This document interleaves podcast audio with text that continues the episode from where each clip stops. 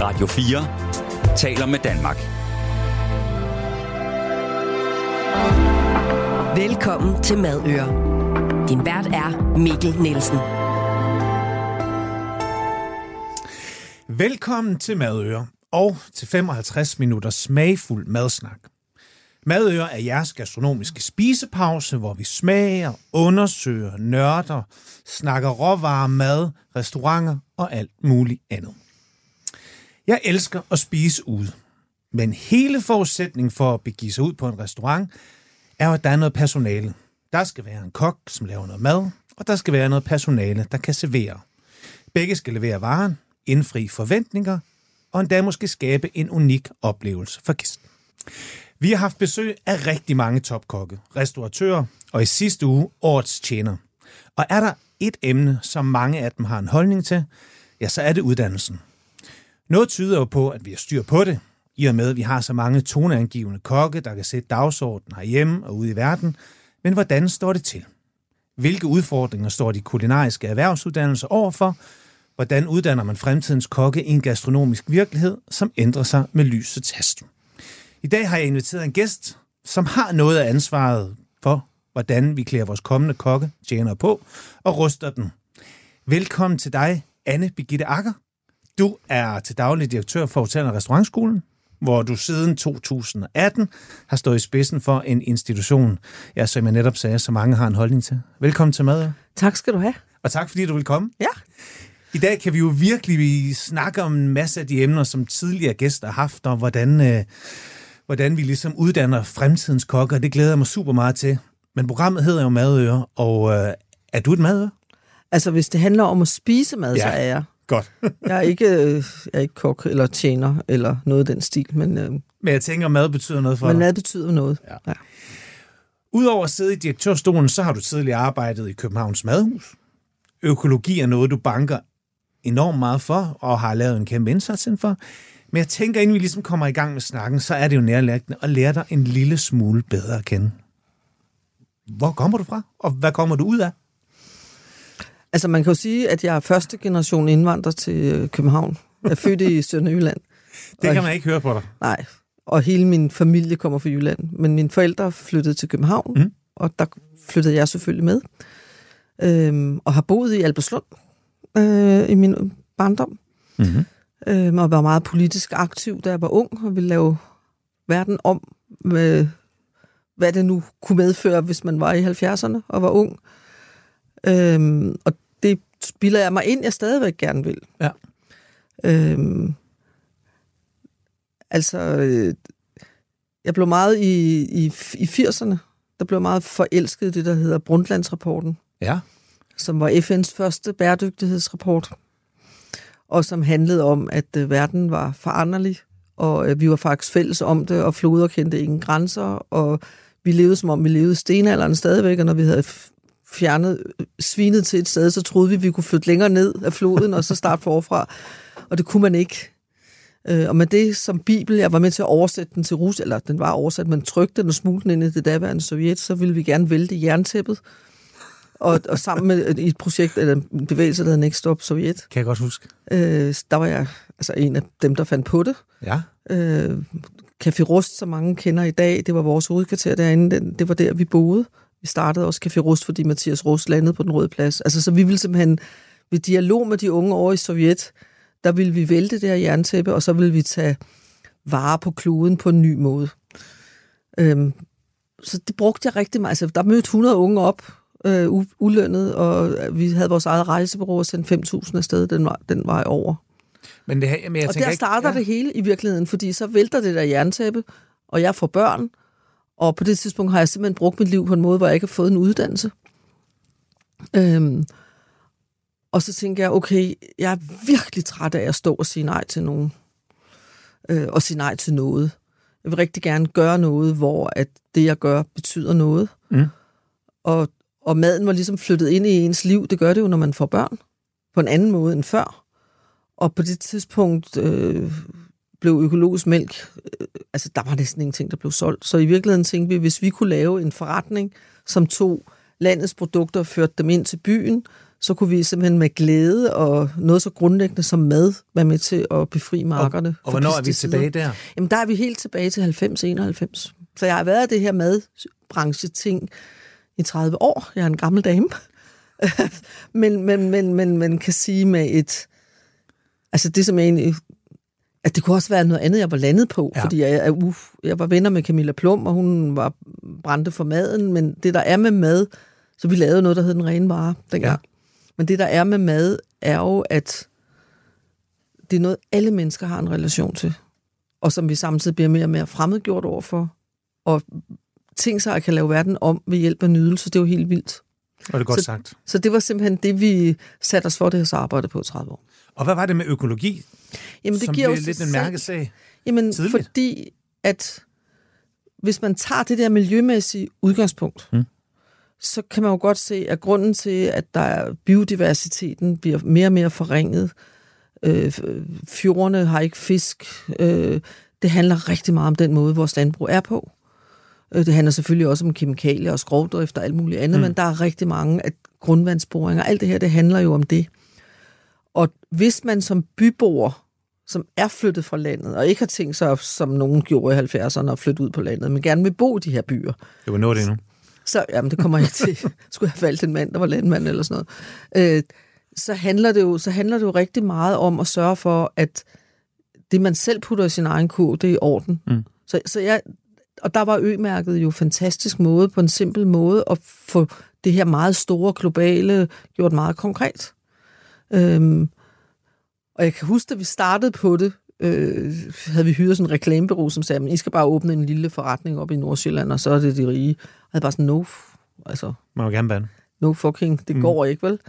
Øh, så det vi lavede var, vi lavede noget, der hed barnemad, og så tog jeg rundt i, jeg ved ikke hvor mange institu- daginstitutioner, og solgte ideen, øhm, og så jagtede vi økonomi og økologi, og fandt ud af, at man faktisk ved, at øh, med en meget stram pengepunkt, kunne man faktisk øh, godt få 100% økologi, Mhm. bare man spiser på en anden måde. Og i virkeligheden, øh, vi synes selv der i 90'erne, vi havde placeret sådan en tikkende bombe ja. under det offentlige fødevaresystem, øh, system, fordi at, at øh, hvad vil så gøre, at man ikke gjorde det? Og det man, i virkeligheden er det meget klimarigtigt. Altså man skulle være med at smide mad ud, mm. man skulle være med at spise så meget kød, man skulle lave maden selv, det skulle være i sæson og sådan noget. Så det koncept udviklede vi i den rene vare. Og det gik jeg så solo med, da det lukkede, og har så haft min egen firma, jeg har haft en skolemadsfabrik, jeg har omlagt Roskilde Kommune, Region Sjællands sygehuse, Alberslund var der, vi startede min barndomsby, øh, hele København, øh, inden for de principper, at man fik ikke flere penge, til gengæld skulle man lave en anden type mad, og man skulle lave mere med hænderne.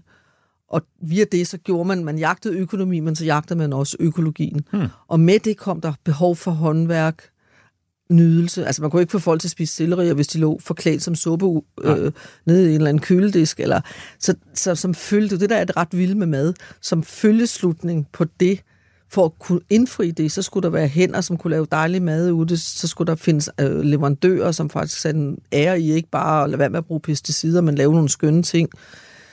Det, og, og, det, og det var simpelthen øh, det er 30 år siden, vi startede det. Og det lyder jo på mange måder der, hvor rigtig mange af os gerne vil hen. Nogle gange så går det også langsomt. Ja. Men altså, jeg er super stolt af Københavns Kommunes institutioner, Ja. ja. 900 styk, Ja. drives 90 procent økologisk. Og det var du med til, da du var direktør for Ja, Københavns det Madhus. stod jeg spidsen for. Du lytter til Madøer på Radio 4. Jeg tænker, at vores lytter allerede nu godt sådan kan fornemme, at du er en person, der har sådan rimelig meget drive og sådan rimelig meget brænder for noget. Altså, hvor kommer den energi og det der sådan fanden i voldske fra? Jamen, jeg tror bare altid, at jeg har været god til at, at, at se muligheden i at gøre ting på en anden måde. Ja. Og jeg tror, noget af det her, altså alting kommer jo fra ens, der hvor man kommer fra. Mm. Altså jeg havde en morfar, som var gammel modstandsmand, borgerlig modstandsmand, boede i Sønderjylland, var formand for Sønderjyllandsk Lystfiskerforening, fangede sommerfugle. Jeg opvokset der. Da jeg var helt lille, hvor mine forældre boede i København, så jeg har meget tæt relation til de bedsteforældre der. Mm. Mm. Så jeg har simpelthen øh, brugt min barndom på at være ude og fange fisk. Han så jo før andre i gældsåen, at fiskene forsvandt, når man rettede dem op. Jeg har kørt rundt med hammerbanket på bønders døre og bedt dem om at lade være med at følge hedeselskabet, ja. som gerne vil have, at de ja. ligesom rettede årene op, øh, forgæves kan man sige, eller hvis man godt kunne lide sommerfugle, så opdagede han nu før end andre, at man skulle nok lade være med at fange dem, fordi de for, forsvandt fra levestederne. Så jeg tror rigtig meget om det omkring natur, men også det med at gøre ting, hmm. kommer derfra. Og så er jeg ung i, i 70'erne, hvor der var meget revolutionssnak og gang i den, ikke? Øhm, og, og det var jeg så bare en del af. Så mere øh, og var meget politisk øh, aktiv, kan man sige, i min rigtig øh, spæde ungdom. Ikke? Så mere handling og, og, og færre øh, indlæg i politikken? Nej, men jeg vil også gerne lave indlæg. Altså, jeg, jeg, går, jeg, jeg går rigtig meget op i, at det man... Altså, man kan sige, fordi jeg var meget politisk aktiv på den mm. yderste venstrefløj, da jeg var helt ung, så er jeg også faldet i gryden. Og det betyder, at der er også ting, jeg ikke tror på. Og jeg tror rigtig meget på, at hvis man skal bevare den der energi, så skal man finde noget, hvor man selv udgør forskellen. Hvis du forstår. Ja. Altså i stedet for at stille sig ind på Christiansborg og sige, at vi ikke godt sørge for, at nu er der ikke flere pesticider, og overhovedet de skal forbydes. Altså det vil jeg da også gerne. Ja. Så vil jeg i virkeligheden hellere have, at enkelte mennesker lader være med at købe ting, mm. som ligger jorden øde. Eller selvfølgelig skal vi lave fælles indsats for klimatingene, men i virkeligheden, så synes jeg, det giver rigtig god mening. Altså, så min energi kommer... Det er sådan en blanding af sådan lidt anarkisme, og så det at være iværksætter og have mm. sin egen virksomhed, fordi jeg tror faktisk på, at man kan skabe forandring selv. Og netop det her med at skabe forandring selv, giver jo god mening, da du i 2018 overtager ansvaret for Hotel- og Restaurantskolen. Ja. En institution, som rigtig mange har en holdning til, som har en lang historie. Øhm, 100 år lang. Hvad var det for en skole, du overtog og skulle stå i spidsen for dengang? Jamen, det er jo Københavns eneste fagskole, der uddanner madhåndværker mm. og måltidsmennesker. Og ikke kun kokker og tjener, og også ernæringsassistenter og sådan noget. Bager. Øhm, og der er kommet flere uddannelser til, ikke? Så i dag, i dag dækker. Er der otte spor eller sådan noget, ikke? Jo, men, ja. men vores primære unge er øh, kokkene. Ja. Øh, så, så, og det er den eneste, der er i København. Men hvordan altså, så det ud i 2018, da du overtog? Jamen, grunden til, at jeg sagde ja, måske ja. kunne jeg starte der. Ja, gør det. Altså, grunden til, at jeg sagde ja, var jo, at nu havde jeg brugt 20-30 år af mit liv på at øh, efteruddanne, inspirere øh, mennesker til at lægge, øh, tage grydeskeen i den anden hånd, lave bedre mad, skabe økologi og sådan noget. Så når der pludselig var nogen, der sagde til mig, måske var det en god idé, at du gik derind, mm. så var det helt klart, at min motivation var at sige, tænk, hvis man kunne uddanne unge til bare at gøre tingene på den i gåseøjne bæredygtige, miljøforsvarlige, nydelsesmæssige, rigtige måde, mm. så kunne vi jo springe mange led over. Så, og så følte jeg også, at jeg var 50 år, eller lidt ældre, 55 år. Så jeg følte også, at det var meget passende. Nu havde jeg ligesom selv skabt alle mulige ting indtil da. Så jeg synes på en eller anden måde, måske var det passende at, at bruge de erfaringer, jeg havde, både med, hvad jeg synes, maden kunne, men også omlægning og forandring i et så vigtigt sted. Så jeg følte, det var ligesom at give noget tilbage, og hvis jeg kunne være med til at uddanne unge til at gøre tingene på en anden måde, så synes jeg, det var en kæmpe stor tilfredsstillelse og en stor mulighed. Så derfor sagde jeg ja. Men også sådan lidt ærefrygtagtigt, fordi det kan jeg, jeg godt forstå, fordi ikke? her er der vel mindre handling i den forstand, at du tidligere har haft hænderne i alt, og her skal man jo lige pludselig til at og måske Nej, jeg synes, det, jeg synes ikke, det er rigtigt. Nej, okay. fordi, altså, I Københavns Madhus, når du regner og tænker på, at vi havde ansvaret for 900 køkkener i Københavns, ja. at de flyttede sig, eller 400 i Aarhus, eller 50 på Bornholm. Mm. Altså, vi var 50 medarbejdere i Københavns Madhus. Men vores relation var jo til en hel masse selvstændige køkkener, som mm. vi arbejdede sammen med. Ja. Det var kæmpe komplekst. Og hver gang vi mødte, mødte noget, så skulle vi enten gå politisk og få at vide, det kunne man godt. Vi havde ingen fyringsret, så det skulle ligesom være virkelig motiverende. Så for mig var det jo en... Det at komme til hotel- og restaurantskolen, tænkte jeg, jamen det her det er meget mere... Øh, for, forestillede jeg mig, det her det er meget mere likable. Det er, jo, det er jo kun i den gode... Der skulle ikke være så meget hård kamp. Det skulle mere være... Øh, det positive. Altså jeg så ja. det simpelthen som en virkelig positiv mulighed at skabe noget sammen med de mennesker, der var på den skole. Jeg var godt klar over, at den også havde blakket ry, øh, men, men udgangspunktet var, hold kæft, det her kan virkelig blive sjovt. Hvad var det for et ry, de havde? Okay, nu skal jeg jo ikke genere nogen for meget, men altså, Ja, du har jo selv snakket med nogen, øh, som også siger det, men vi et mm. ry for at være meget bagud, Mm. være gammeldags på den forkerte måde, øh, have lærere, som ikke vidste, hvad der foregik. Øh, jeg kom, der var der to direktører, der var bortviste, så man havde været uden ledelse. Altså, så, så det havde sådan et ry af noget oppumpet. Øh, vi er Nordens største fagskole, Ja. men Mange af måske- dem, har været, som vi har gæstet, har, har både i programmerne, men også bagefter sagt, at det var meget plejer. Ja. Den, den her forandring, Ja. det er Operation Morgenluft, hvis man... Ja, altså det, det, det altså jeg havde ikke forventet, at en uddannelsesinstitution var sådan en stor opgave at gøre det på, som jeg har opdaget, Nej. at det var. Så lad mig sige det på den måde. Diplomatisk. Øh, Øhm, vi havde, da jeg kom, det vidste jeg godt, det fik jeg ret hurtigt at vide, der havde skolen mistet 40 procent af sine elever på fire år. Og på det tidspunkt havde man ikke fyret en eneste medarbejder. Så det var en økonomisk ruin. hmm. Altså bare det, Ja. altså øh, se, det at få rettet det op. Øh, vi, og eleverne, selvom branchen voksede, så var der i hvert fald ikke nogen, der gik hen til os. Det var ikke kun på grund af skolen, det var hele samfundet. Og lærerne var mismodige, øh, og generelt er erhvervsskoler jo sådan pryleknappe lavest i uddannelseshierarkiet. Så, så, så det, det rigtig meget handlede om, var jo også at beholde det gode humør, og finde ud af, det kan godt være, du underviser i det her nu, men kunne du ikke tænke dig, hvad kunne du oprindeligt og sådan noget, ikke? Så, så, så hvor begynder man? Altså når man træder ind der og siger, okay, hvad... Altså, jeg begyndte med at tage en til en samtale med alle 180 medarbejdere. Ja. For at høre, hvad de tænkte. Og så blev jeg så ret hurtigt indhalet. Og det er jo smadret spændende Mm. at få den samtale. Og opdager, at ham, der er måske en af Danmarks bedste sushi-kokke, og ved rigtig meget om knive. Han stod og underviste i et eller andet helt almindeligt, der ikke har noget med noget at gøre. Og en anden, som var virkelig dygtig til surdej. Han øh, havde intet med bageriet at gøre. Altså, så folk var ligesom kørt i sådan nogle kasser, de skulle bare generalisere. Så det handler også rigtig meget om at åbne op for de mm. medarbejdere, man havde, og sige, hvad er du egentlig rigtig god til, hvordan gør vi det her? Mm. Øhm, men samtidig skulle der også økonomisk ryddes op. Øh, så vi, det vi gjorde, var, at vi simpelthen lavede en strategi, og når jeg siger vi, så er det bestyrelsen øh, og, og, og mig. Og så øh, inviterede, jeg tror, der var, altså samtlige elever var til strategiworkshop, hvad kunne de godt tænke sig?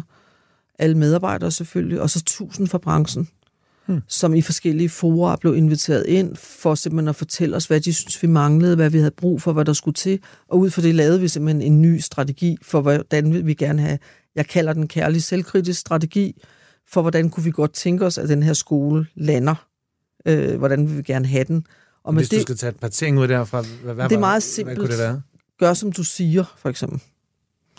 Altså, det betyder, at vi kan ikke, hvis vi gerne vil have, at skolen er bæredygtig, Ja. så er vi nødt til at til os selv at være det. Men var det en af de ting, som der ligesom blev i talsat fra? Det var tydeligt både for brancher og elever. Okay. Øhm, og og øh, øh, altså, der er jo ikke gået en Greta Thunberg forbi vores unge.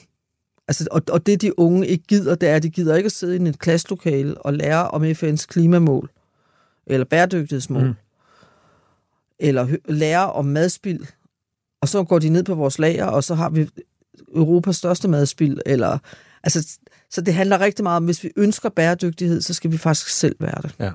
Og ikke kun i ord, men i, i praksis. Hmm.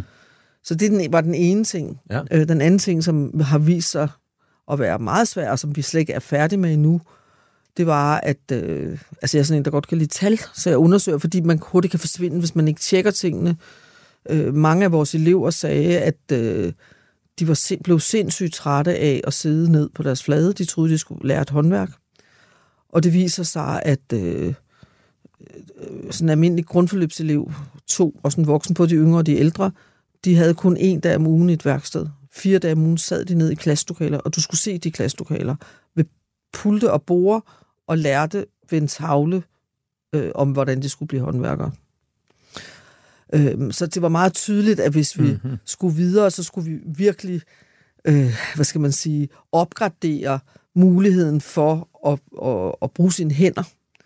Øhm, så, så det er sådan helt klart, altså vi har et mål nu, der hedder 100% værkstedsorientering. Også de teoretiske fag skal foregå i værksteder. Og for alle vores fag. Øh, vi er kun nået til 50%, for vi har ikke fysisk plads til det. Nej. Øhm, så det var en meget, altså det der med at lave en værkstedsbaseret undervisning var sindssygt vigtigt. Øhm, og det var også meget konkret. Ja. Øhm, og så øh, opdagede vi, at, at øh, og det synes jeg, øh, man skal være meget åben for at forstå, at når Danmark er en førende gastronomination, som ligger helt oppe i toppen, og vi øvrigt også er en bæredygtigheds, altså København er en mm. bæredygtighedsmetropol, når vi snakker om mad, så er det meget naturligt, at den opfindsomhed og den energi, som jo ikke er nogen andre end de enkelte personer, og den stemning, der har været i, det kø- i de køkkener, at skolen er bagud. Så, så i stedet for at ligesom påstå, at man er på niveau, så på en eller anden måde være en lille smule ydmyg og sige, ja. vi kan ikke alt det, de kan, og det er måske meget naturligt, fordi det går så hurtigt, og de er så dygtige. Der er så nogle andre ting, vi kan, grundhåndværk, og så må vi have fat i nogle gæstelærer. Så en af de mål, vi har, det er, at mellem 10 og 20 procent af vores undervisning skal gennemføres ved hjælp af de ypperste ud fra branchen, som kommer ind og hjælper os på vores hold.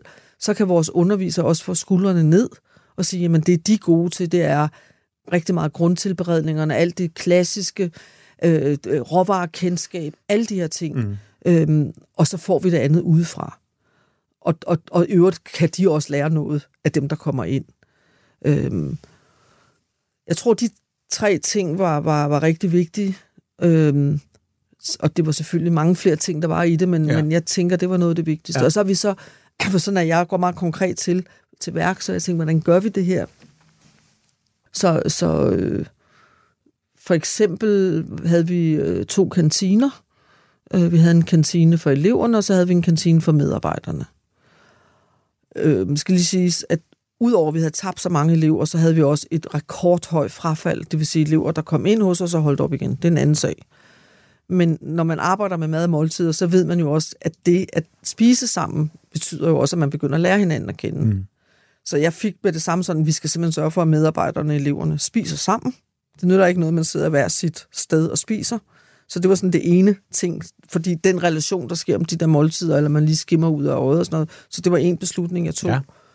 Og det andet var, at når man så på elevkantinen, at det er lidt pinligt at snakke om nu, fordi nu er det jo noget helt andet og meget bedre, men når man så på elevkantinen, så lignede det sådan en uh, blanding af sådan en kommunal uh, lejerskole med dårlig mad, eller en kaserne eller sådan noget, ikke?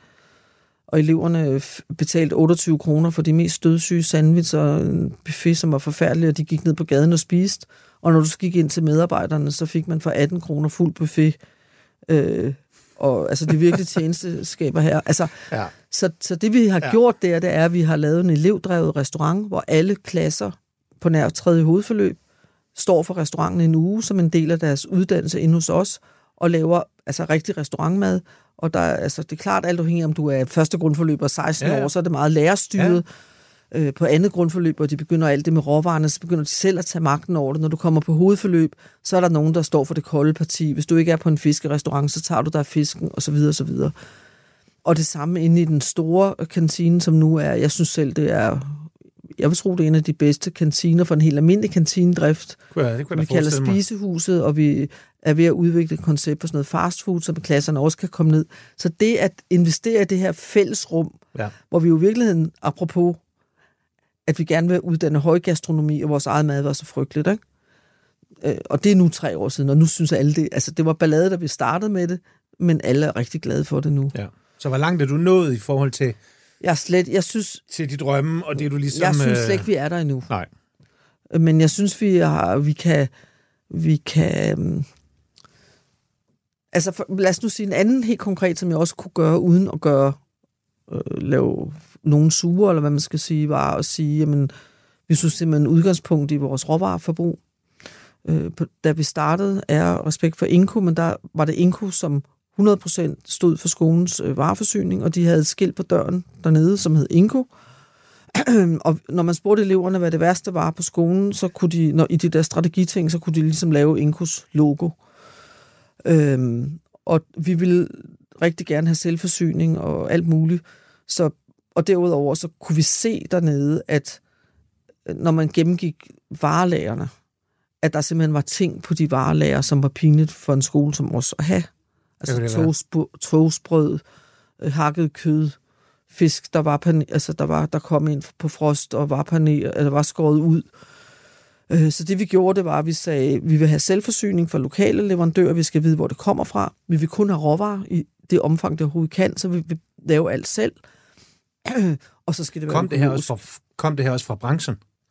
det her med råvareforsyningen. Ja, det her med, at De man... vil gerne have håndelaget, og de vil gerne have, Ja. eleverne kunne det. Ja. Men hvordan er jeg så lavet det her om sammen med underviserne mm. og medarbejderne? Det var noget, vi selv har fundet på.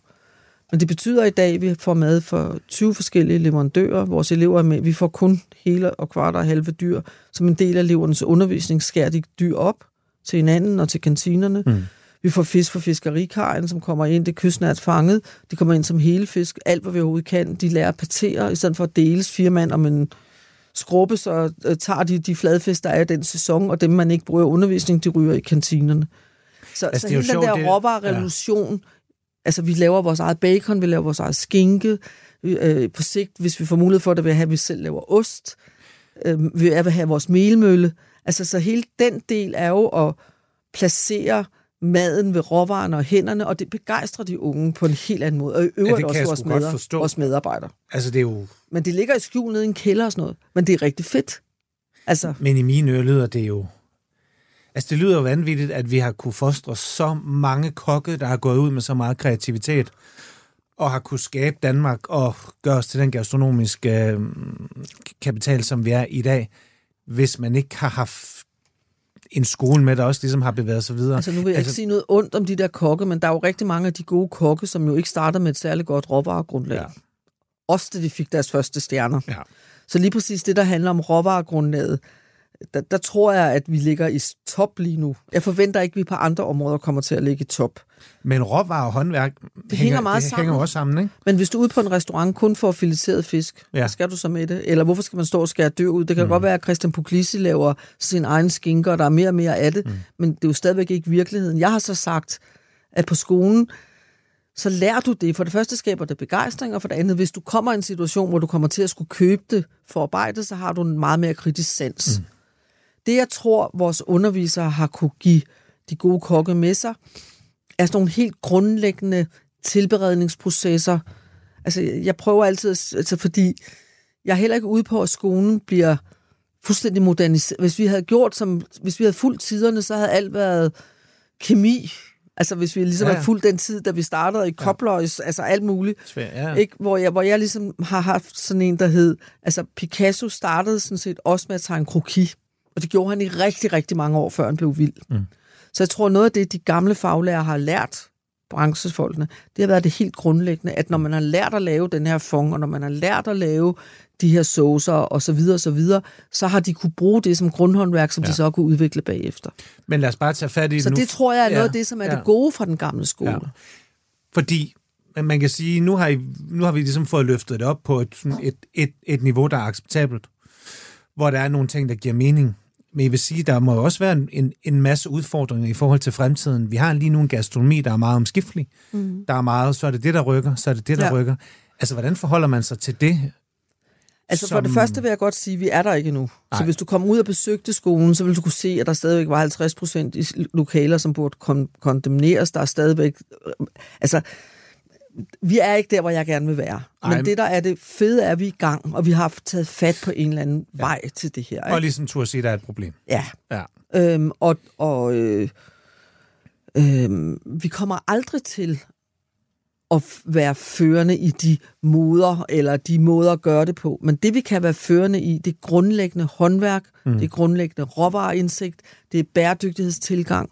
Og det er jo nogle discipliner, som uden, og det er det, jeg mener med det billede. ja. det er jo nogle discipliner, som du kan bruge, og så må vi så have gæstelærerne og øh, after hour, alle mulige ting til at løfte det op, så kan du ligesom med det her hånden gå ud og arbejde videre med det, som du ellers selv kan. Det, der har været problemet, har været, og det tænker jeg,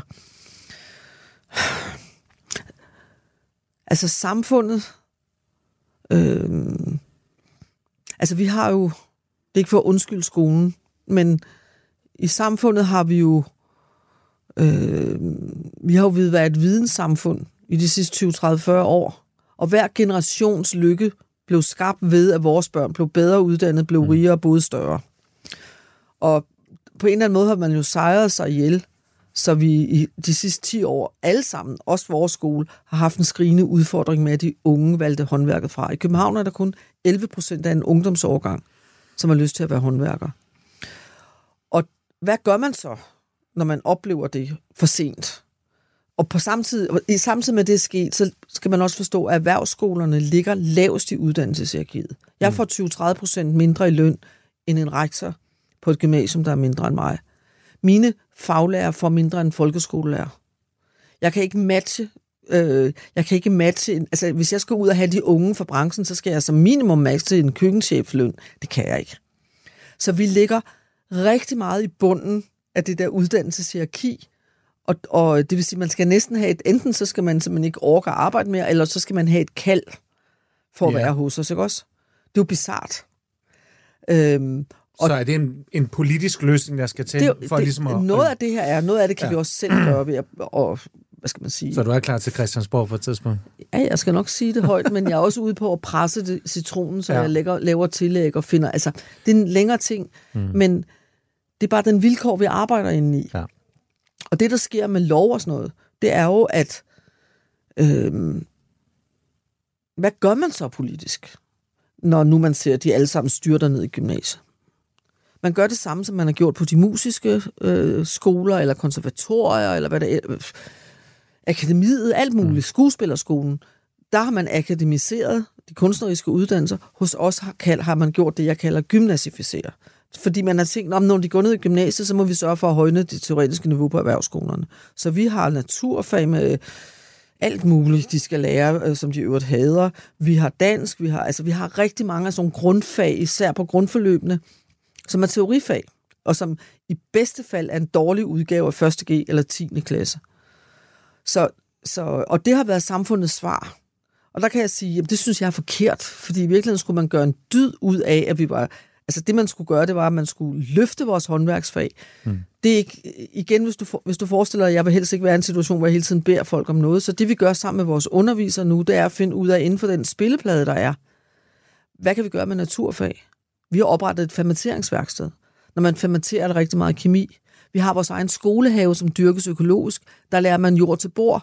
Alt mad er kemi mm. og fysik og så videre. Så der inddrager vi teorien direkte i øh, vores øh, øh, faglige undervisning. Men det er klart, det kræver jo efteruddannelse af underviserne, det kræver faciliteter, hvor man kan være og så videre. Mm.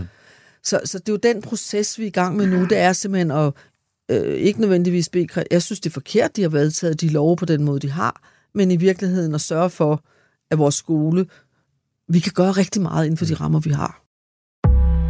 Du lytter til Madøer på Radio 4. En af de grunde, som jeg også, altså grund til, at jeg også spørger ind til det her, det er, at, at man kan sige, dit job er jo at, at levere en god uddannelse. Nå, Ja. nu kan, og lad os, det er klart kokke, vi har flest igennem, så lad os bare bruge sådan kokkende, kokkeuddannelsen, mm. sådan Ja. lidt som... Fordi jeg kan, jeg kan også godt forstå unge mennesker i dag, hvis min egen datter kommer ligesom og siger, jeg vil gerne være kok, så tror jeg, man som forælder har en eller anden, nogle formanende ord med, hvor svært det kan blive, hvor hårdt det er, hvor skiftende arbejdstider, øh, lønningerne er jo heller ikke fulgt med, ligesom mange andre øh, grupper i, Ligesom du i vil sige, hvis hun samfundet. vil være sygeplejerske. Præcis. Øhm, så der er jo så ret mange ting, som ligesom taler im- imod det her valg. Så, så udover at du skal levere en god uddannelse, skal du vel også ud og markedsføre ja. Det at være kok. Ja. Hvordan gør man det til unge i i dag? Altså, hvor, om, Men- hvor men- omskiftelige, hvor Men man skal, skal tro være? på, at, at København ikke er en større by, end at rygtet løber. Mm. Og man, altså, da jeg kom, så fik jeg at vide, at det er mor, der bestemmer. Så der, der har de ligesom kørt sådan en branding. Altså, den branding, der var, da jeg kom, det var sådan nogle fine, altså det var sådan nogle utroværdige pæne med unge mennesker. Som enhver ung i dag godt kan se, det her det er en livhistorie. Mm. Så det vi gør nu, og det er jeg rigtig stolt af at lykkes for os, det er, at vi faktisk har fået de unge på skolen til at være ambassadører for skolen. Det havde vi ikke kunne for fem år siden. Nej. Det kan vi nu. Og det vil sige, at de fortæller, hvorfor de synes, det er fedt at være her. Og de også øvrigt fortæller, hvad de synes er noget pis. Fordi den der ærlige kommunikation, den virker rigtig meget bedre. Ja. Så, så det er den ene del, vi har gjort. Jeg tror ikke, man kan brande sig til det alene, fordi så var det lykkes. Altså, der brugt rigtig mange... Vi bruger også penge på det. Altså, vi er på TikTok med vores 10. klasser, og øh, eleverne tager take over altså, på Instagram og hvad det nu ellers er. Men først og fremmest så begynder vi også, altså vi har rigtig mange af det, der hedder brobygger, hvor de unge kommer ind fra folkeskolen og er hos os, og vi har rigtig mange åben hus arrangementer. Og jeg tør ikke tro på det helt, men det tyder på, at vores nedgang stoppede i 19. Og så er vi ligesom fladet ud, mm. og lige nu ser det faktisk ud som om, at vi går frem. Men Og hvis man det, jeg på... bare så- kan- Ja. Kan sige, det er, at jeg tror, vi går frem, fordi vores skole har fået et bedre ry blandt de unge. Og jeg tror ikke, vi kan gøre så meget andet. Der er jo, jeg kan jo ikke lave om, altså, jeg kan ikke lave om på, at vores branche også er ramt af sexisme og dårlige arbejdsforhold og alt muligt andet. Det, jeg kan gøre noget ved, det er at sørge for, at det ikke er på skolen. ja. Og jeg kan sørge for, at det, vi laver, er fedt. Og det er, jeg har det også lidt sådan, hvem siger, at du som 16-årig skal vide, hvor du slutter? Hvad nu, hvis de bare får tre år, eller to år, eller fire år hos os? Der er intet, altså, jeg har det lidt sådan lidt mere, pip, altså på mit kontor hænger Pippi, og jeg har det lidt sådan, lad dog for søren de unge gøre noget, de gerne vil. Ja. Og så kan det være, at de bestemmer sig om og finder på noget andet. Så det siger vi rigtig meget til morerne. Men er det ikke en kæmpe frustration at skabe en spændende skole, give dem det allerbedste grundlag for at komme ud i virkeligheden, og så stemmer virkeligheden ikke overens med det, I giver den med i bagagen? Jamen, jeg, vi, hvis du hører jeg, det, jeg siger, det er, at jeg forsøger ikke at sælge noget, der er forkert. Så, så jeg prøver ikke at få gøre det til et glansbillede. Nej, men bliver det ikke svært med, hvis man... For eksempel Derude- omkring sexisme, eller da jeg startede, der var der kun 25 procent af pigerne på grundforløb 2, der hvor man har valgt fag, ja. som var kokke. Altså som var kvinder. Ja, 75 procent var mænd, unge mænd, og når de fik svend, svendeprøve, så var der kun 11. Så ikke nok med, at alle falder meget fra, kvinderne falder forholdsmæssigt meget fra, og man kan jo se ude i branchen, de forsvinder også. Ja. Jeg er super glad for, at sidste års gennemsnitstal for vores G2-elever var, at der var 42 procent kvinder. Mm-hmm. Øhm, og er spændt på at følge dem, for at Ja. se, hvad der sker. Jeg kan sammenligne det med, altså vi, vi, da, da man, øh, der blev lavet undersøgelser, da jeg startede i 18, som viste, at 60 procent af vores kvindelige elever har været udsat for harassment ude i branchen. og hvad står det for? Altså det vil sige seksuel eller- ja. eller andet, ikke? Øhm, og 30 procent af de 60 procent havde en ret stor pytknap, for de sagde bare, herregud, det er en del af det. Men altså markant øh, tonen, som enhver, der har været et køkken, kender. Ja. Og så tænker jeg, jeg kunne ikke røre ved det derude, det må branchen selv om, fordi det, jeg er også hyret af dem, så jeg er ligesom, det er mine chefer. Altså mit, mit, mit, min bestyrelse består af Horesta og 3F. Men det, jeg kan gøre noget ved, Ja. ja. det er, hvad der sker på skolen. Så det, vi lavede, det var, at vi lavede vores egen sexismeundersøgelse, som faktisk viste, at på skolen, i skoletiden, var der faktisk 20 procent, som var udsat for noget på skolen Ja. hvor vi så har lavet en no-tolerancepolitik, lavet øh, elevrettigheder. De havde ikke en eneste rettighed, de kunne ikke klage, er begyndt at lave om på faget arbejdsløs, altså arbejdsting. Og jeg tænker, hvis vi uddanner de unge, og der er en helt, altså i 19, der, jeg holder sådan nogle stormøder for eleverne. Mm. Det er nok lidt tilbage fra min politiske fortid. En gang i kvartalet samler jeg alle 6, 7, 800 elever, og de har røde og grønne kort. Så er vi en time til at lande til to timer sammen. Og så har jeg nogle emner, men de kan også. Og der vægter jeg stemningen. I 19, der var udbrød der krig mellem drenge og pigerne omkring det her, omkring hvordan man taler til hinanden.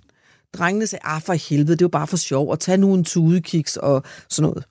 I dag er det fælles udgangspunkt, der hedder, det gider vi faktisk ikke mere, det er træls. Mm. Så jeg tror på, at noget af det, vi gør, er også med til at hjælpe derude. Jamen præcis, det er faktisk også det, Og, jeg og, fisker og så, efter. så det håber jeg, at Ja. ja. den indsats, vi laver ved, at vi uddanner en Ja. ny generation, gør, at de kan være med til at gøre det om på en anden måde. Og jeg oplever også, at flere og flere ude i branchen er opmærksom på det. Mm. Altså lige nu snakker vi om, for eksempel med pigerne, kunne vi sørge, eller kvinderne, kunne vi sørge for, at de her 43 procent kvinder, som der har været sidste år, de for eksempel kun kommer ud på lærepladser, hvor der som minimum er én kvinde i forvejen. Mhm. I stedet for, at de kommer som den laveste i hierarkiet, ud et sted, hvor der kun er mænd. Ja. Det kunne være, at det kunne hjælpe dem. Det har vi i hvert fald hørt herinde fra beretninger fra Ja. kvinder. Det her At- med, at man ikke står alene. Ja, så, ja. Så, så hvis det kunne hjælpe, mm. altså så på den måde, igen, jeg prøver hele tiden, når jeg møder et problem, at sige, hvad kan vi konkret gøre for at gøre noget ved det? Så vi ansat en ombudsmand, øh, vi kalder det en elevombudsmand, fordi øh, hvis eleverne oplever noget, de gerne vil klage over, så har de faktisk ikke haft nogen rettigheder. Og nu har de en, de kan gå til, som kan hjælpe dem. Øhm, og det er jo også for at lære dem en kultur, hvor det er okay at træde ud, og, og de jo faktisk har en bisider til nogle af de her ting. Vi har lavet skolens HR, som jo var for medarbejdere. Den har vi lavet til at være hele skolens HR, det vil sige, at de er også ansvarlige for elevernes ved og vel. Altså, så man kan sige, det er rigtig mange små kombin- komponenter, mm. som gør, at jeg tror på, at vi... Det er det samme med bæredygtighed. Mm. De kommer da også ud i køkkener, hvor der ikke bliver købt økologi, og hvor man stadigvæk køber frossen fisk. Men når de har lært det hos os, så har de jo en grundpakke med, som de kan bruge, når de laver verden om. Hvis de vil. Det kan ja. jeg jo ikke påvirke dem til. Forst- altså, forstår du logikken? Ja, ja, ja, ja, jeg forstår godt, og, øhm, og egentlig også glad for at høre, at, at de unge kan påvirke branchen. Det, det tror jeg, de kan. Ja. Og jeg tror også, de kan understøtte, mm. de, fordi på den ene side... Men det er egentlig bare, hvor ændringen skal komme fra. Jamen, den, den er, det er klart, at når vi snakker om det her, så skal der være nogle ledere, ja. som tager ansvaret for, at sådan er det ikke hos os. Ja. Og der er også nogle kokke og tjenere, som jeg kalder det at tage kokkejakken omvendt på, som er nødsaget til at sige, hey guys, jeg har sgu lavet mange dumme ting. Jeg vil gerne noget nyt. Mm. Og så er det jo ikke, det er jo ikke, altså, det er jo ikke sådan, at de bliver lynchet, fordi de har lavet alt muligt dumt, vel? Medmindre det er virkelig slemt, og det er der sikkert også nogen, der er. Jo. Og det vil sige, at de er åbne mm. over for den nye generation. At de siger, at det er en god idé, at vi prøver at få en, altså det er ikke kun er en pige alene. Måske skulle jeg overveje at ansætte ja. en, en kok som er kvinde næste gang. Eller måske skulle jeg sørge for, at hvis tjenerne, for de bliver jo prim, altså kokkene bliver generet backstage, og tjenerne bliver generet af gæsterne. Så, så, så for tjenernes vedkommende vil du være rigtig meget at have og sige, jeg har været udsat for det her, og så er der faktisk en chef, som siger, det skulle du ikke finde dig, jeg mm. går lige ind og snakker med dem. Mm. Frem for, det må passe nu dit arbejde, og de mener det ikke for sjov. Ja. Så lige præcis den ting, tror jeg, både at vi kan gøre de unge klar til, hvad de selv har tænkt sig at gøre, men jeg tror også, at branchen langt hen ad vejen godt ved, at de bliver nødt til at arte på en anden måde, og mange af dem gerne vil. Du lytter til Madøer på Radio 4. Hvorfor vælger man at blive kok i dag? Altså, jeg, altså, jeg, jeg tror... Altså, for det første, hvis jeg kunne... Mange af dem, jeg spørger, ja. når de har fået den der aha-fornemmelse, første gang, de er med i et rush, mm. første gang, at de oplever, at nogen siger tak for mad, Altså første gang, de oplever det at glæde nogle andre mennesker med noget, der bliver man hugt. Ja. Og det kan jeg høre på rigtig mange. Der er jo ikke ret mange mennesker i det her land, som har et arbejde, hvor de kan gå hjem, så de lavet job done, og så er der nogen, der har sagt tak. Nej. Det er præcis. ret fedt. Jeg altså, glæder og anerkendelse kan en hel del. Ja, det, det og den der med, at man faktisk nyder nogen. Altså, det er så konkret. Ja. ja. Det tror jeg betyder rigtig meget så kan jeg mærke, altså jeg, og det kan man jo ikke spå om, men jeg tror, vi står oven for et paradigmeskifte. Fordi professorens datter kan mm. ikke længere blive bedre uddannet end sin mor. Så, så vi kommer til at have en generation nu, hvor det, der havde været familiens lykkeparadigme, der hed rigere, bedre uddannet, bo større, ja. det går ikke længere. Fordi vi kan ikke blive bedre uddannet. Vi kan heller ikke, hvis vi skal være ansvarlige. Altså rigtig mange unge bor jo meget mindre, end min generation mm. bor bor, fordi de gerne vil blive ved med at bo i en storby. Så jeg tror på, og det, det ved jeg ikke, det sker jo lige pludselig, jeg tror, vi vil opleve, at flere unge siger, ved I hvad, det sgu ikke lykken at have sidde på sin flade og forske et eller andet, eller sidde, altså jeg vil måske gerne noget helt andet. Det håber jeg.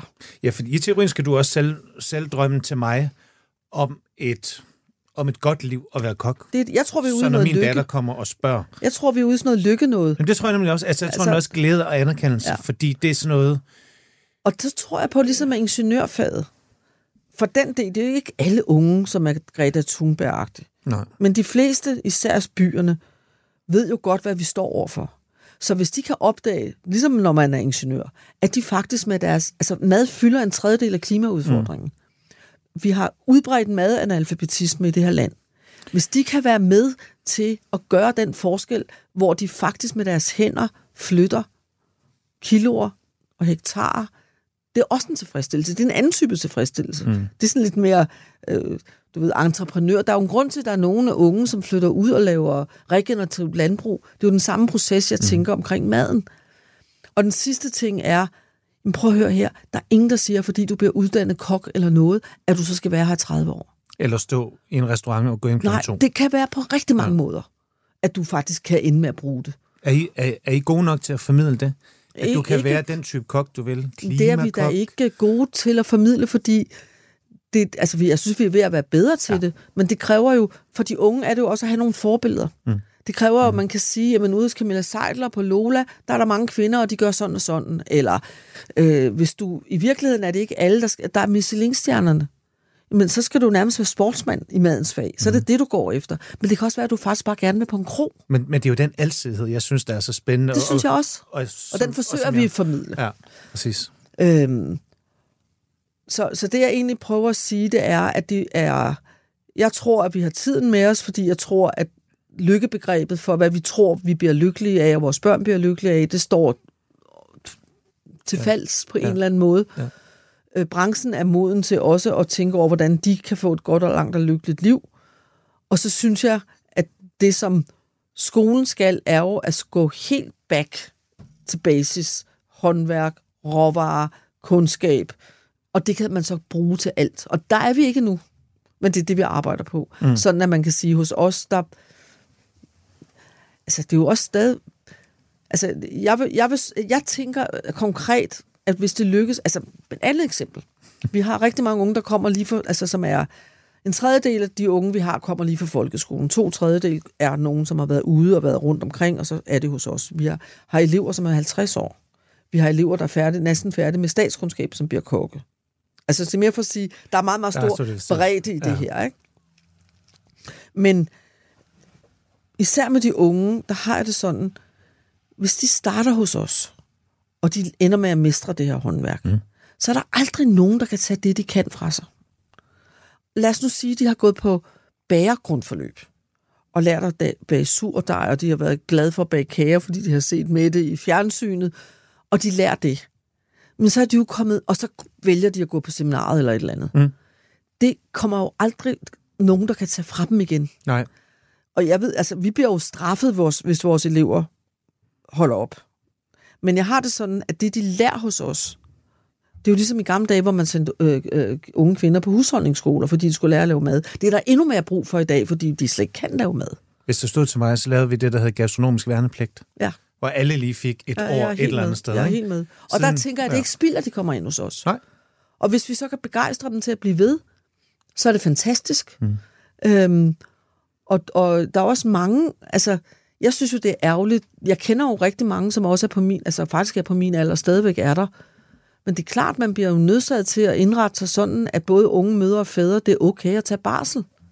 Og det kan være fem år, hvor man er i en kantine, og så slapper man af, og så kan man komme ud igen. Mm. Jeg synes også, det er okay at have nogle unge år, hvor man bare giver den fuld gas og nyder det. Så jeg tror, man, skal, man bliver nødt til at indrette det på det, som resten af samfundet er, at det er øh, fleksibelt, øh, ja. det er, du gør det her nu. Jeg har venner, som i gamle dage, som er murer, eller tømrer, eller sneker, eller sådan noget, og som har lavet alt muligt, men de har altid haft det fag at falde tilbage på. Mm. Og det er jo også en tryghed. Og at sige, at jeg kan jo altid komme tilbage til mit fag. Præcis. Men det er generelt også en, en grundforvirring, der er hos, hos unge mennesker, det er, at, at mange tror, at det valg, som jeg træffer lige nu og her, det er det, er det jeg skal resten Og det er derfor, jeg siger Pippi. Ja. Og, og de, de skal gøre noget, der er godt for dem nu. Mm. Har de forstået det? Altså ved, ved de det? Nej, det, ellers så, så det jo anderledes ud, Ja. men, men jeg vil sige, det er jo den, altså det er jo, det er jo øh, altså det er noget af det, jeg gør, jeg synes, mit arbejde er sjovt. Altså en ting er at gøre alle de ting, der handler om branchen. Det er ja. klart, det er jo det, der er mit grundengagement. Men jeg synes også, det er interessant at have alle de samtaler med, de helt unge kommer jo til vores introarrangementer. Ligesom når man går rundt til gymnasierne, så går man rundt og kigger på forskellige gymnasier, så er det også ude at kigge hos os. Øhm, og så øh, holder jeg sådan en rigtig rektortale og snakker til dem og sådan noget. Og så er de rundt og sådan, møde eleverne og blive vist rundt og sådan noget. Det vi oplever nogle gange her, det er jo også, øh, altså vi har jo det, der hedder EUX, hvor du både får et svendebrev, og du øh, får en gymnasiel uddannelse. Mm. Øh, som er meget markant voksne med 40 procent tre klasser sidste år, og det er rigtig fint. Og det er sådan en morvalg. Så kan du få begge dele. Mm. Men det er en meget hård uddannelse. Det svarer jo, de, skal gennemføre begge dele på meget mindre tid end deres kammerater. Så det er ikke en vej for en, der er skide skoletræt eller ikke er særlig bolig. Men der oplever vi virkelig tit diskussion mellem de unge og forældrene, som hedder, nej, jeg vil ikke tage det der. Jeg er træt af at gå i skole. Mm. Jeg vil gerne noget andet. Og der skal man ligesom turde give slip. Øhm, og så må det være vores ansvar på skolen at passe så godt på dem, at de faktisk ender med at få en uddannelse, eller bliver sendt videre godt afsted og sådan noget. Ikke? Øhm, og det kan vi jo, det, vi kan jo kun som erhvervsskole sørge for at blive en bedre udgave af os selv, som gør det lækkert at være hos os. Og der er stadigvæk rigtig meget, hvor man tænker, det er sådan en industrialisering, kæftrit retning, og du skal videre og sådan noget, ikke? Altså, ja. som vi arbejder på. Så, så, hvor, så hvor gode kokke sender du ud? Er de klar til at tage over? Og... Altså, jeg vil sige, jeg sender, altså de kokke, der har haft et godt, en god læreplads, Ja. og som altså gået på vores grundforløb de sidste par år, jeg synes, de har en god basis, men de er jo over halvdelen af deres tid hos mester. Så vi vil aldrig komme i en situation, at det er os, der sender Nej. alene. Det er jo et samarbejde med de mestre, de er ude hos. Og hvordan er kvaliteten af lærepladser? Det er jeg sikker på, at du også. Hører I, hø, hører I om dem, når, når eleverne kommer tilbage? Første gang, de har været ude og sige, hvad har I oplevet? Har I været udsat Ja, for det? det. Har I, hvad har I lært? Hvad for? Men det, det, øh, det er jo de såkaldte faglige udvalg, der har ansvaret for lærepladser, og hvordan de kommer ud. Vi har praktikvejledere, som hjælper dem, og det handler rigtig meget om at finde det rigtige match, og det vil sige bruge vores kendskab til eleverne, og vores kendskab til mestre med at finde det rigtige sted for den rigtige elev. Vi talte lige om det, inden vi gik på her, det her med, at individets rolle Ja, det betyder rigtig meget. spiller mere og mere. Ja. Øhm, Hvis du har et, et, et, lidt, et lidt for stort hasmisbrug eller stofmisbrug, når du starter på skolen, så er der steder, du ikke skal hen. Ja. Fordi det har de også derude. Det er bare uformelt, så hjælper vi dem den vej. Mhm. Og hvis du er en pige, så har jeg lige sagt, så prøver vi nu at arbejde på, at de kommer steder, så de ikke er de eneste. Men det er også noget med at afstemme, hvis du i virkeligheden mm, hvis du i virkeligheden mm, hvis du ikke har en intention om at blive Michelin-kok, Ja. og du ikke bliver begejstret i den retning de første år, så er der jo masser af gode kroer og hoteller og kantiner og øh, øh, bistroer og sådan noget. Så skal de derud. Så, så, og man skal også sige, hvad er det for en mester, hvad for et overskud har det? Og det, som du hensyder til, er det, som vi alle... Altså, man, skal, man kan jo ikke åbne en avis, eller hvis man selv har børn, så kan man ikke undgå at se, at de unge har ondt i sjælen. Mm. Og de, at Naomi Kass Nielsen og de folk, som har lavet de her ungdomsforskningsting, det er jo op mod f- 40 procent af pigerne, som har en eller anden diagnose.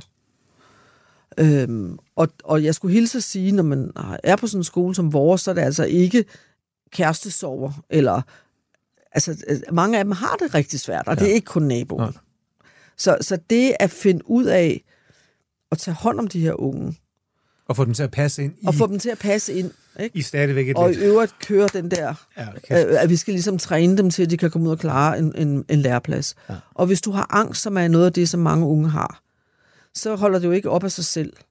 Mange kan lære at leve med det. De kan mm. sådan set også blive rigtig gode kokker og tjener og alt muligt. Men det er ret vigtigt, at mestre så er klar til at tage det ansvar, der hedder, her kommer altså nogen, der har den her, og der er nogle tidspunkter, hvor man skal lige lave et time-out eller forstå det. Og det er der flere og flere, der kan. Men de forstår bedre de klassiske diagnoser, som de selv har, for at sige det lidt groft. Ja. Altså med det, som vi kalder dam, som hedder ADHD og alle de her ting, eller ordblindhed og sådan noget. Fordi det er jo sådan en typisk kokkefas-diagnoser. De har desværre med depressioner og angst og det lignende. Øhm, og nogle gange, Men hvem skal lære branchen det? Hvis I kan håndtere de onde... Eller, jamen, jeg synes ikke, vi er gode nok til. Vi har stadigvæk et kæmpe frafald. Ja. Og det er også svært at takle. Ja. Øh, og jeg vil ønske, at altså de eneste elever, vi for alvor ved noget om, når de kommer, det er dem, vi kalder stjerneelever. Det er fordi, dem, de kommer fra kriminalforsorgen. Ellers så kommer de jo øh, ligesom som ubeskrevet blade, og det skal de jo også have lov til. Mm. Men nu før vi kan finde ud af, hvad der er skævt med dem, nu før kan vi gøre noget. Og nogle af dem skal måske have lidt længere grundforløb hos os, fordi de også skal gå et eller andet sted, hvor de kan blive stærkere, eller nogle af dem, altså, det kommer jo lidt, altså, og, og vi kører et benhårdt taxametersystem. På gymnasierne danner de en klasse, så har de dem. Vi bliver målt 11, 10 eller 11 gange om året. Ud til højre, sammenlæg klasser, videre, du har 20 uger afsted, afsted. Det er også noget produktionssamfund noget. Mm.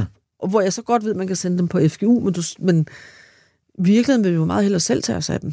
Så, så jeg tror, det er en blanding af, at vores tænkning skal være meget mere open-minded, og man skal vide, at du kan godt have alle mulige diagnoser, og alligevel blive en god håndværker. Man skal også sørge for, at de 60 procent, som sådan set bare er klar, mm. at de ikke bliver trukket ned mm. af tungsind og folk, der ikke kan finde ud af at møde om morgenen og alt muligt. Så det er en stor pædagogisk og social opgave, som vi dealer med på skolen, og som jeg kan mærke flere, flere mestre også er klar til. De har jo også børn, Ja. så de ved jo også godt, hvad det vil sige. Fantastisk. Jeg håber, at alle dine drømme og idéer for Hotel- og Restaurantskolen lykkes. Jeg håber, at vi får den bedste kokkeuddannelse, hvor der både er plads til individet og grupper, og at alle lærepladser derude er mere åbne, respekterer individet, og, øh, og vi kan fordre en Og så ny skal vi have generation. nye bygninger. og skal have nye bygninger. Ja. Hermed sendt videre. Ja. Ja. Tusind tak, anne Birgitte, fordi du ville være min gæst i Madø i dag. Det var super spændende at høre. Der er et stykke vej endnu, men kokkeuddannelsen er en fantastisk vej at gå. Så, øh, så har man mod på det, så er det bare at hoppe ind og start. Det her det er Madhør. Tusind tak, fordi I lyttede med. Jeg hedder Mikkel Nielsen, og husk, I kan hente alle tidligere udsendelser af Madhør, der hvor alle podcast bor. Tak for i dag. Radio 4 taler med Danmark.